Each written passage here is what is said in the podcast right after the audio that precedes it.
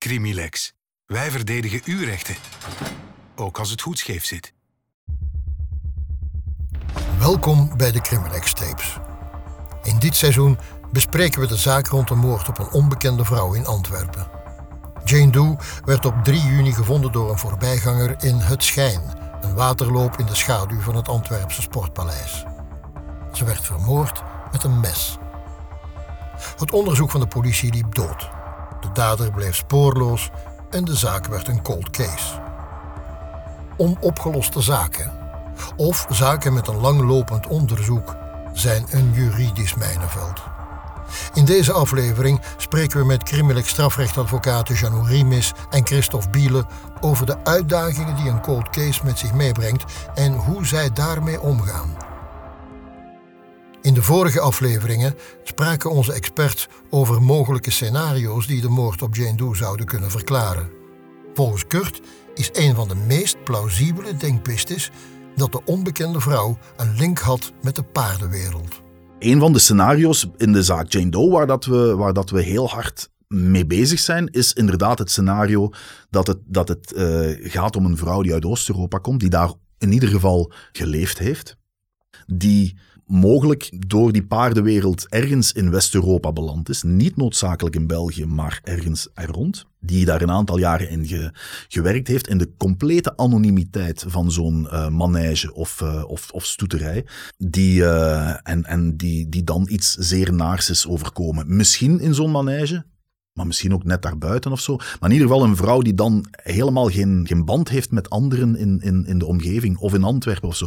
We weten eigenlijk vandaag ook niet of die vrouw daar vermoord is of bijvoorbeeld gedumpt is. Die kan ook, ja, ze kan ook elders vermoord geweest zijn en dan, en dan gedumpt in Antwerpen. Dus dat is een van de, van de interessantere scenario's. Dat wil niet zeggen dat dat de waarheid is, maar, maar dat is wel een van de dingen die, die, die continu uh, speelt. Als strafrechtadvocaat moet je op alles voorbereid zijn en moet je rekening houden met verschillende scenario's. Crimineel strafrechtadvocaten Janou Rimis en Christophe Biele vertellen wat hun eerste indruk was van dit dossier en waarom het belangrijk is om alle mogelijke pistes open te houden. Ja, mijn eerste insteek was ook om te denken aan het prostitutiemilieu, maar ik denk dat dat dan ook een denkfout is die automatisch wordt gemaakt. Maar dat is eigenlijk ja, het eerste waar je aan denkt, omdat die persoon daar zonder papieren wordt gevonden, uh, waarschijnlijk gelinkt wordt aan het Oost-Europese milieu. En dat is dan ook mijn fantasie dat daarin op hol slaat, van die is op een bepaalde manier in België gekomen. En is ook op een bepaalde manier aan een einde gekomen hier, uh, die gewelddadig was. En dan ga je automatisch denken aan bepaalde scenario's die dat naar de onderwereld eerder wijzen. Maar dat moet daarvoor absoluut niet zo zijn. Dus ik denk dat het heel moeilijk is om daar tot één scenario te komen. Ik stel vast dat ik eigenlijk helemaal niets denk daarbij. En zal een soort van beroepsmisvorming zijn of voortkomen uit het lezen van, van strafdossiers die ik probeer aan te vatten met een zo blank mogelijke geest. In die zin dat ik dan hoop dat ik op die manier elementen zal zien die in de bijstand passen van het zij de dader, het zij het slachtoffer, degene die ik, uh, wiens belangen ik behartig dan.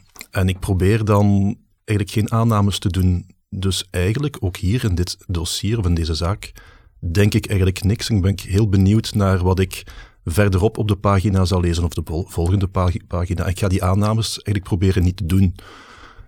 Ik heb ook zo een hekel aan het moment in een langspeelfilm die, die zich in het uh, juridische of het, of advocaten of het misdaadmilieu afspeelt, waarbij ik ergens halverwege denk, ja, dit is wat de regisseur wil dat ik denk, maar ik denk iets helemaal anders. Dat is ook een heel enerverend en vervelend moment in zo'n film. Dus uh, ik probeer gewoon vooral niks te denken. In de zaak Jane Doe is er geen sprake van een dossier. Zoals we in de voorbije afleveringen leerden, zijn de enige aanwijzingen enkele krantenknipsels en het geheugen van een buurtbewoner. Je zou kunnen denken dat strafrechtadvocaten op zo'n moment zelf scenario's aanbrengen. Maar dat is volgens Christophe en Janou niet het geval. Ik stel vast dat ik vooral van Tostier uitga. Het, het aanleveren van andere scenario's is een beetje een, een lelijk romantische kijk op wat advocaten doen in de verdediging van, in dit geval dan van daders wellicht. Het gaat erom dat we geen motief hoeven aan te leveren, maar een alternatief motief natuurlijk volstaat om het bewijs dat door het Openbaar Ministerie moet geleverd worden te ontkrachten. Wij moeten of mogen um, alternatieve scenario's aanleveren in de zin dat we geloofwaardige feiten kunnen naar voren brengen. En wanneer die geloofwaardig zijn, of zoals het dan heet, niet van uh, geloofwaardigheid ontbloot, dan volstaat het niet dat de tegenpartij, dat het Openbaar Ministerie, ook maar geloofwaardige scenario's bijbrengt. Het Openbaar Ministerie moet bewijzen. En wij mogen bewijzen aan de kaak stellen. En dat doen we dan vaak met mogelijke andere elementen of feiten naar voren te brengen. Maar om te zeggen, ja, we, zijn geen medlocks. Hè. Laatst kwam iemand bij ons solliciteren en gevraagd naar haar motivatie, zei ze, ja, ik keek vroeger al naar Medlock en ik dacht, ja, ik wil ook advocaat worden. Nee, dat zijn we niet, voor alle duidelijkheid. We hebben een dossier en daarmee moeten we aan de slag. En we moeten maar weerleggen, of we mogen maar weerleggen wat het Openbaar Ministerie uh, denkt als bewijs te kunnen aanvoeren. Ik denk dat dat inderdaad ook in, die, in dat gegeven zit dat je je onschuld ook niet moet aantonen. Um, het is heel moeilijk om iets te bewijzen dat er niet is, natuurlijk. Um, maar je kunt wel op basis van de elementen in het dossier proberen zaken te gaan weerleggen. Of ik probeer altijd met mijn cliënt te overlopen van kijk, wat is uw kant van het verhaal en kan dat kloppen met de elementen die er in het dossier zijn? En ik denk echt niet dat het de bedoeling is van ons als advocaten om ja, echt andere bewijselementen aan te dragen, want daar dienen we ook niet voor. We zijn er eventueel om het dossier te ontkrachten of om gewoon de cliënt bij te staan en een zo goed mogelijk einde voor die persoon te kunnen creëren in dat dossier met de bewijslast die er is. Zaken worden vaak een cold case als er sprake is van tunnelvisie bij de onderzoekers. De focus ligt dan op de foute verdachte en andere pistes worden bijna niet meer onderzocht. Janou en Christophe staan dagelijks mensen bij die betrokken zijn bij een onderzoek of tijdens verhoren. Is er dan vaak sprake van tunnelvisie? Ik denk dat je dat bijna constant tegenkomt. Um, zeker ook in, in dossiers van een kleinere omvang, waarbij dat gewoon minder middelen en minder manschap worden ingezet voor het uh, onderzoek te voeren, dat daar al van bij het begin wordt gefocust, van bij het eerste verhoor, van we hebben hier de persoon voor ons zitten dat het heeft gedaan. Uh, en we gaan vragen stellen in de richting dat we willen horen. Dus dat is iets dat je heel vaak ziet um, in de soorten vragen dat ze stellen, inderdaad. Dat je duidelijk merkt aan de politie van ze zijn ervan overtuigd dat dat de persoon is die dat ze willen hebben. En dan denk ik dat wij daar als advocaat wel altijd heel behoedzaam voor moeten zijn en de cliënt daar ook al op voorhand voor moeten waarschuwen dat zo'n soorten vragen gesteld kunnen worden. En eventueel ook kunnen adviseren om dan gebruik te maken van zwijgrecht. Want op een moment dat als je iemand bijstaat die gearresteerd is, die wordt dan onmiddellijk verhoord. Op dat moment kunnen we als advocaat ook nog niet het dossier inkijken. Dus wij hebben op dat moment echt geen idee wat zijn de bewijselementen dat ze eventueel op dit moment hebben, de belastende elementen alleszins. En dan is het heel moeilijk om te gaan adviseren aan de cliënt om de ene of de andere verklaring te gaan afleggen. En dan merk je wel heel snel aan de politie als zij heel gericht vragen beginnen te stellen, dat zij ofwel al een aantal zaken hebben onderzocht, maar dat kan even goed zijn dat ze die nog niet hebben onderzocht, maar dat ze er al van overtuigd zijn, die persoon heeft dat gedaan en we proberen die hier al vast te praten op een of andere manier. Ja, het kan ook in de andere richting. Er zijn agenten die zo zeggen, stel als we dit gaan onderzoeken, dan kunnen we er eigenlijk al van uitgaan dat ze dat al wel hebben bekeken, maar die cliënten hebben dat vaak ook niet door en denken, ja, ik ben de politie te, snel, uh, te slim af, dus ik ga daar iets verzinnen. Dat werkt nooit. Um, maar natuurlijk, door heel veel verhoren te doen of al heel veel strafdossiers te hebben gelezen, weet je op de duur ook wel van we zitten in deze fase van het onderzoek, dit gaan ze nog niet weten. Zeker iemand, dat is dan in, in een kleiner onderzoek, die dat bijvoorbeeld op heterdaad betrapt is, ja, op dat moment is er nog niet heel veel onderzocht. Ze hebben nog geen telecommunicatie onderzocht. Dat is vaak dat ze iemand hebben gezien, dat hij iets deed. Ja, dan weet je wel van ze weten eigenlijk nog niet veel, behalve hetgeen dat ze hebben gezien. Maar de politie heeft dan op dat moment wel al die tunnelvisie van dat is er zeker gebeurd. En dat is heel moeilijk om te weerleggen. Want rechters gaan er heel vaak vanuit, wat daar in dat PV staat, dat zal wel kloppen. Maar dat is ook niet altijd de waarheid. Bijvoorbeeld tijdens een gerechtelijk onderzoek kunnen wij vragen om bijkomend onderzoek te gaan uitvoeren. Wij kunnen ook, dat wordt bij de rechten ook overlopen, die dat aan de verdachte worden overhandigd. Van, je hebt het recht om bepaalde onderzoeksdaden te vragen. Dat gaat dan over, gaat die persoon eens horen, die kan iets zeggen dat in mijn voordeel uh, speelt. Ik wil graag dat je de camerabeelden bekijkt. Uh, dus die zaken kunnen wij wel allemaal aanbrengen, maar wij kunnen daar niet de rechter of de procureur toe dwingen om die te doen. Dat zeker niet. Dus dan is het wel zaak om dat ook wel wat te motiveren, waarom dat, dat van belang kan zijn voor uw cliënt. Ja, dat is al wel lang geleden. Dat was een, voor mij een heel bijzondere zaak, want dat was een persoon waarbij dat ze op basis van een lopend onderzoek een huiszoeking hadden gedaan en ze hebben op, ja, op zijn appartement onder een bed in de logeerkamer hebben ze een blok cannabis, denk ik dat was, teruggevonden. En die bleef volhouden, dat is niet van mij, absoluut. Ik weet van niks. Ik heb nog nooit iets met drugs te maken gehad. En dat bleek ook uit het strafdossier dat hij nog nooit veroordeeld was, zelfs voor niks, als geen politierechtbank. En dan hebben we, denk ik, op basis van bijkomend onderzoek van getuigenverklaringen en dergelijke te weten gekomen dat het eigenlijk zijn bovenbuur was, dat via het raam naar binnen was geklommen, zijn drugs daar had verstopt omdat hij het vermoeden had dat er op een gegeven moment bij hem een huiszoeking zou gebeuren. Maar dat is wel door ons gesuggereerd van, kijk, die man blijft dat volhouden dat dat niet zo is. Um, maar ja, staan daar camera's eventueel? Dat is ook niet overal. Kunnen andere personen daar eventueel een verklaring over geven? Dat is heel moeilijk, maar dat is uiteindelijk wel naar boven gekomen. Het, het begint eigenlijk voor het verhoor. We hebben een gesprek met cliënten en het is heel belangrijk om daar ook geen tunnelvisie te hebben. En dat is heel moeilijk, want we hebben vaak, wanneer dat een, een, een bijstand is voor een gearresteerd uh, iemand, dan is er vaak maar 30 minuten tijd voor overleg. En het kan dat dat iemand is waarmee geen voorgeschiedenis bestaat, die we niet kennen, die we uh, voor het eerst spreken. En die klok tikt. En dan is het heel menselijk om ook tunnelvisie te hebben. Om te denken van, ja, ik wil een bepaalde voorbereiding doen van het verhoor dat dadelijk volgt. En dan is het heel menselijk om vragen te gaan stellen die eigenlijk alleen maar in de eigen aanname, in de eigen denkrichting passen. En dat zijn dan heel vaak gesloten vragen. Is het niet dat? En heb jij toen dat of dat? En je had toen ja, hè, hm, ja. En eigenlijk denk je maar in één bepaalde richting.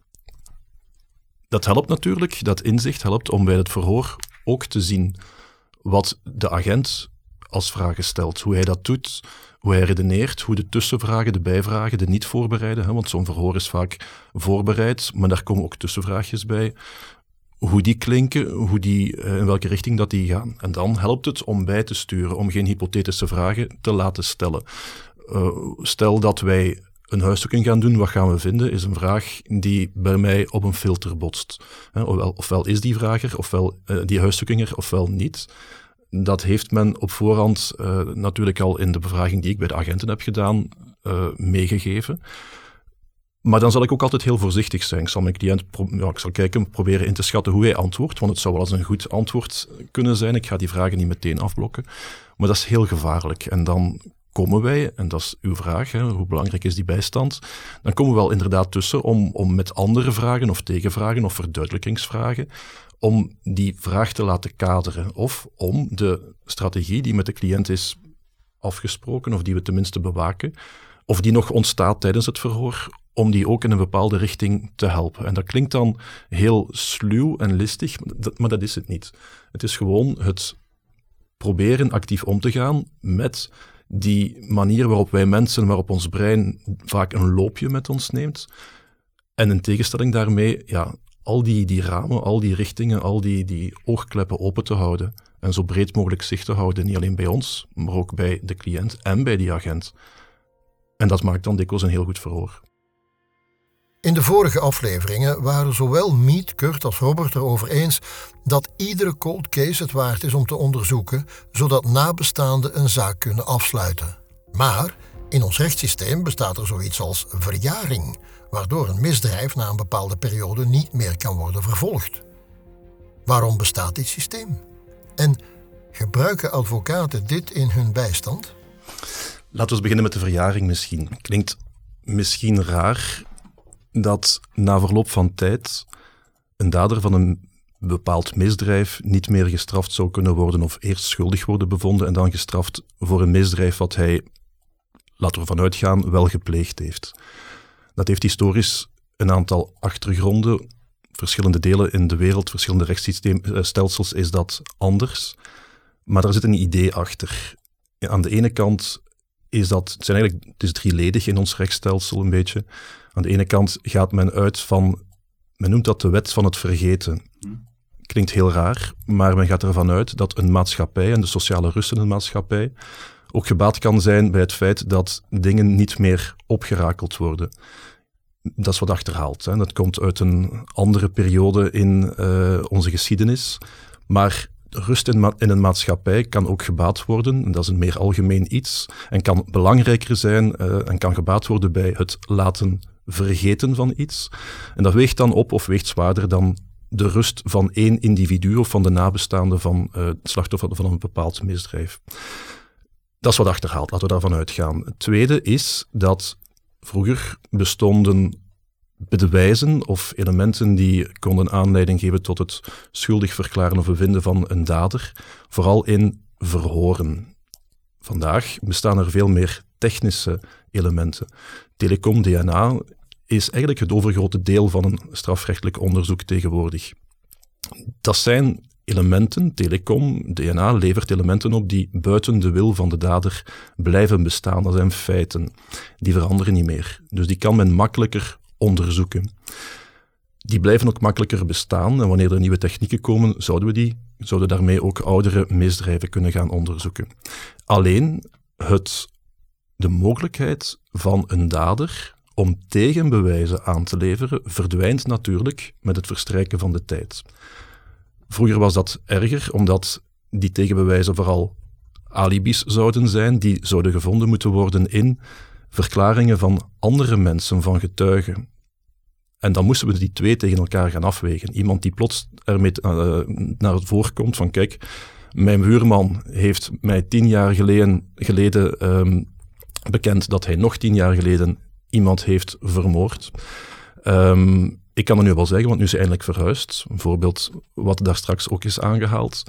Dan zou die dader op zoek moeten kunnen, moeten kunnen gaan naar ja, alibis, naar mensen die zouden kunnen zeggen dat hij op dat moment van die beweerde feiten elders was of dat niet gedaan kan hebben. Dat wordt moeilijk.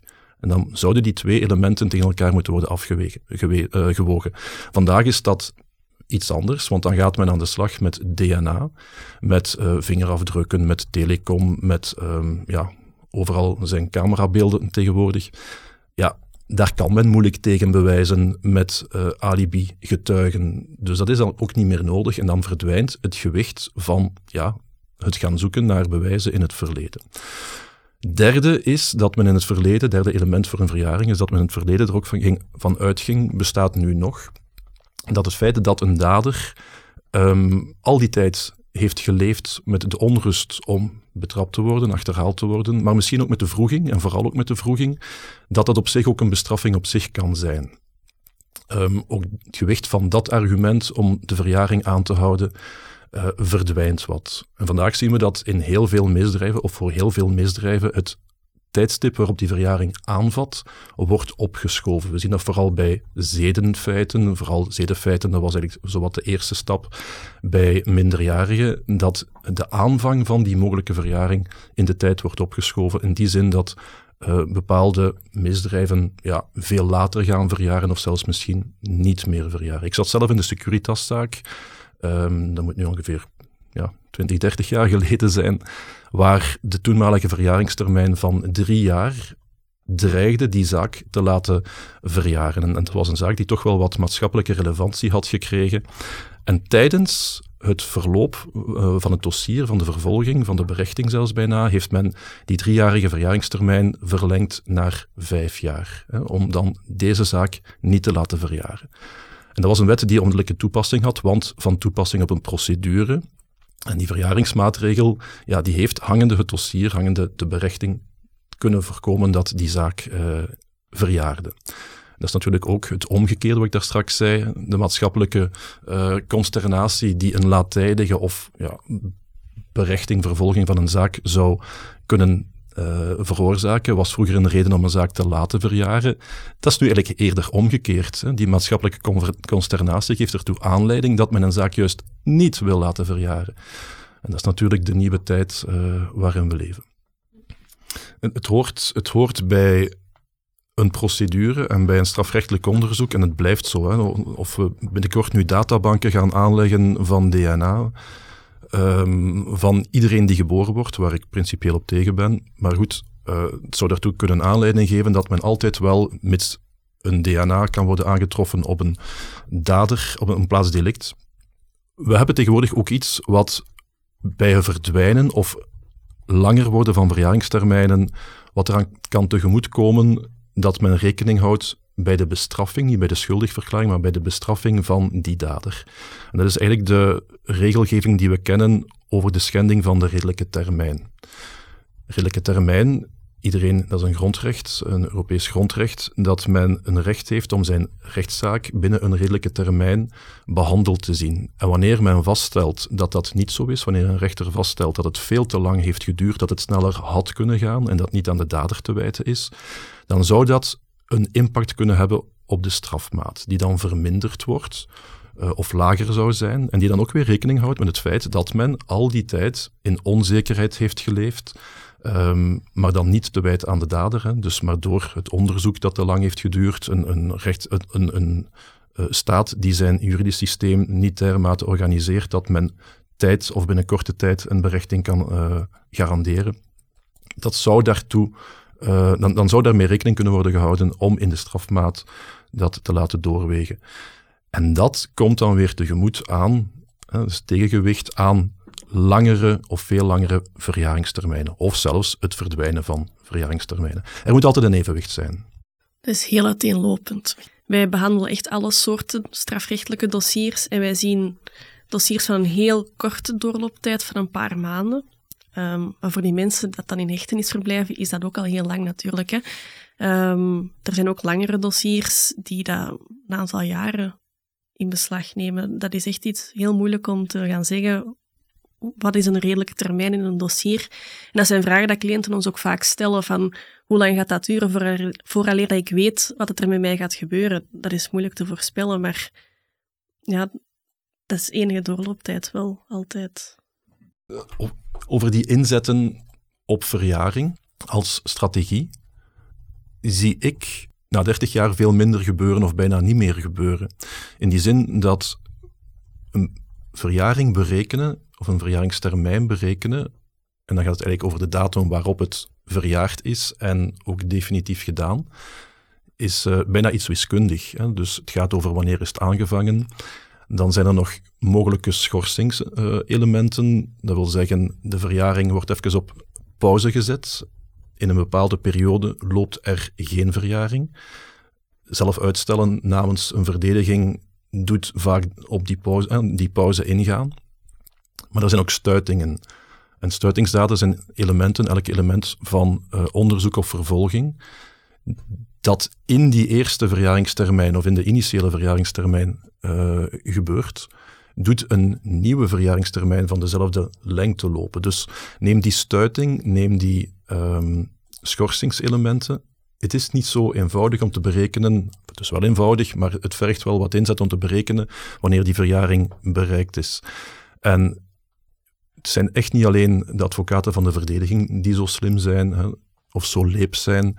Aan de andere kant zitten de advocaten van de burgerlijke partij, van de benadeelden en ook het Openbaar Ministerie, dat vlot meerekent en dat uh, daar altijd wel een stap in voor is. En um, allerlei onderzoeksdaden of wat dan ook, uh, initiatieven kan nemen om die, om die verjaring te stuiten.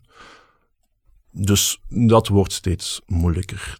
Ik durf bijna zeggen dat als het misdrijf al niet verjaard is, dan wordt het moeilijk om die verjaring nog, en of al niet bijna verjaard is, dan wordt het moeilijk om die verjaring nog te bereiken.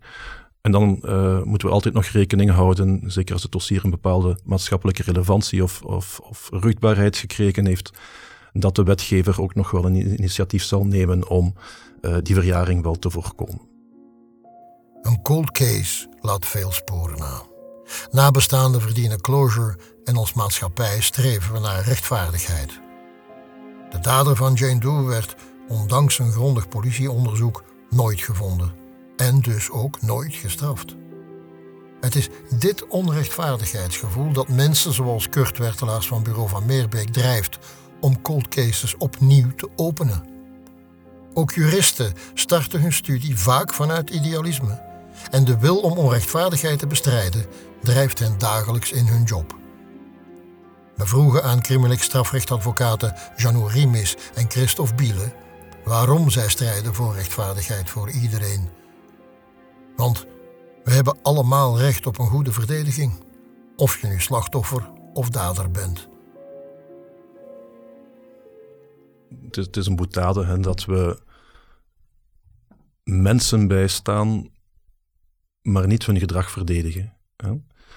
Er is altijd afstand en er is altijd de grotere wereld en er is altijd um, ook de nodige afstand van dossiers. Menselijk vlak kan het u blijven achtervolgen of, of aangrijpen, of, of van tijd tot tijd komt een keer terug.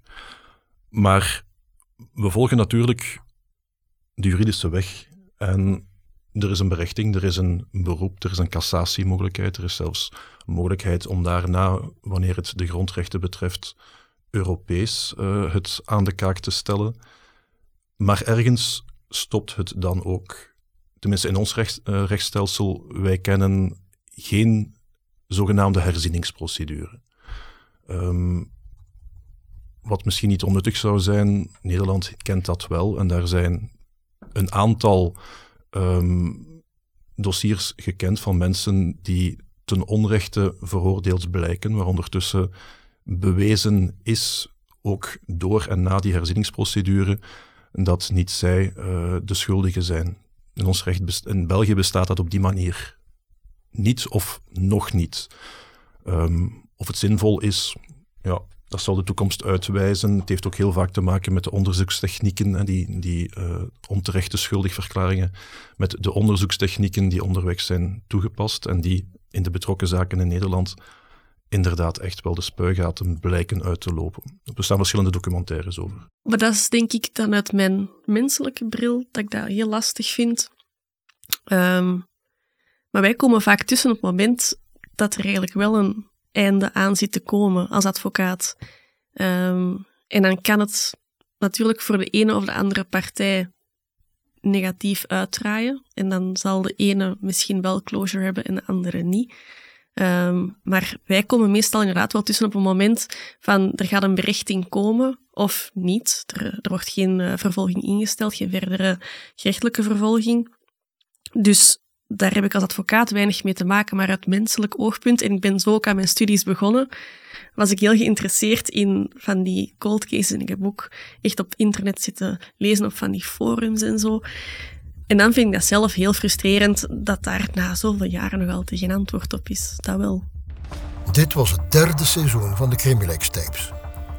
De zaak Jane Doe blijft een mysterie. Toch blijven we hopen dat er ooit een antwoord komt op alle onbeantwoorde vragen. Wil je meer achtergrondinformatie? Of wil je zelf de originele stukken van het dossier inkijken? Dat kan. Schrijf je in op podcast.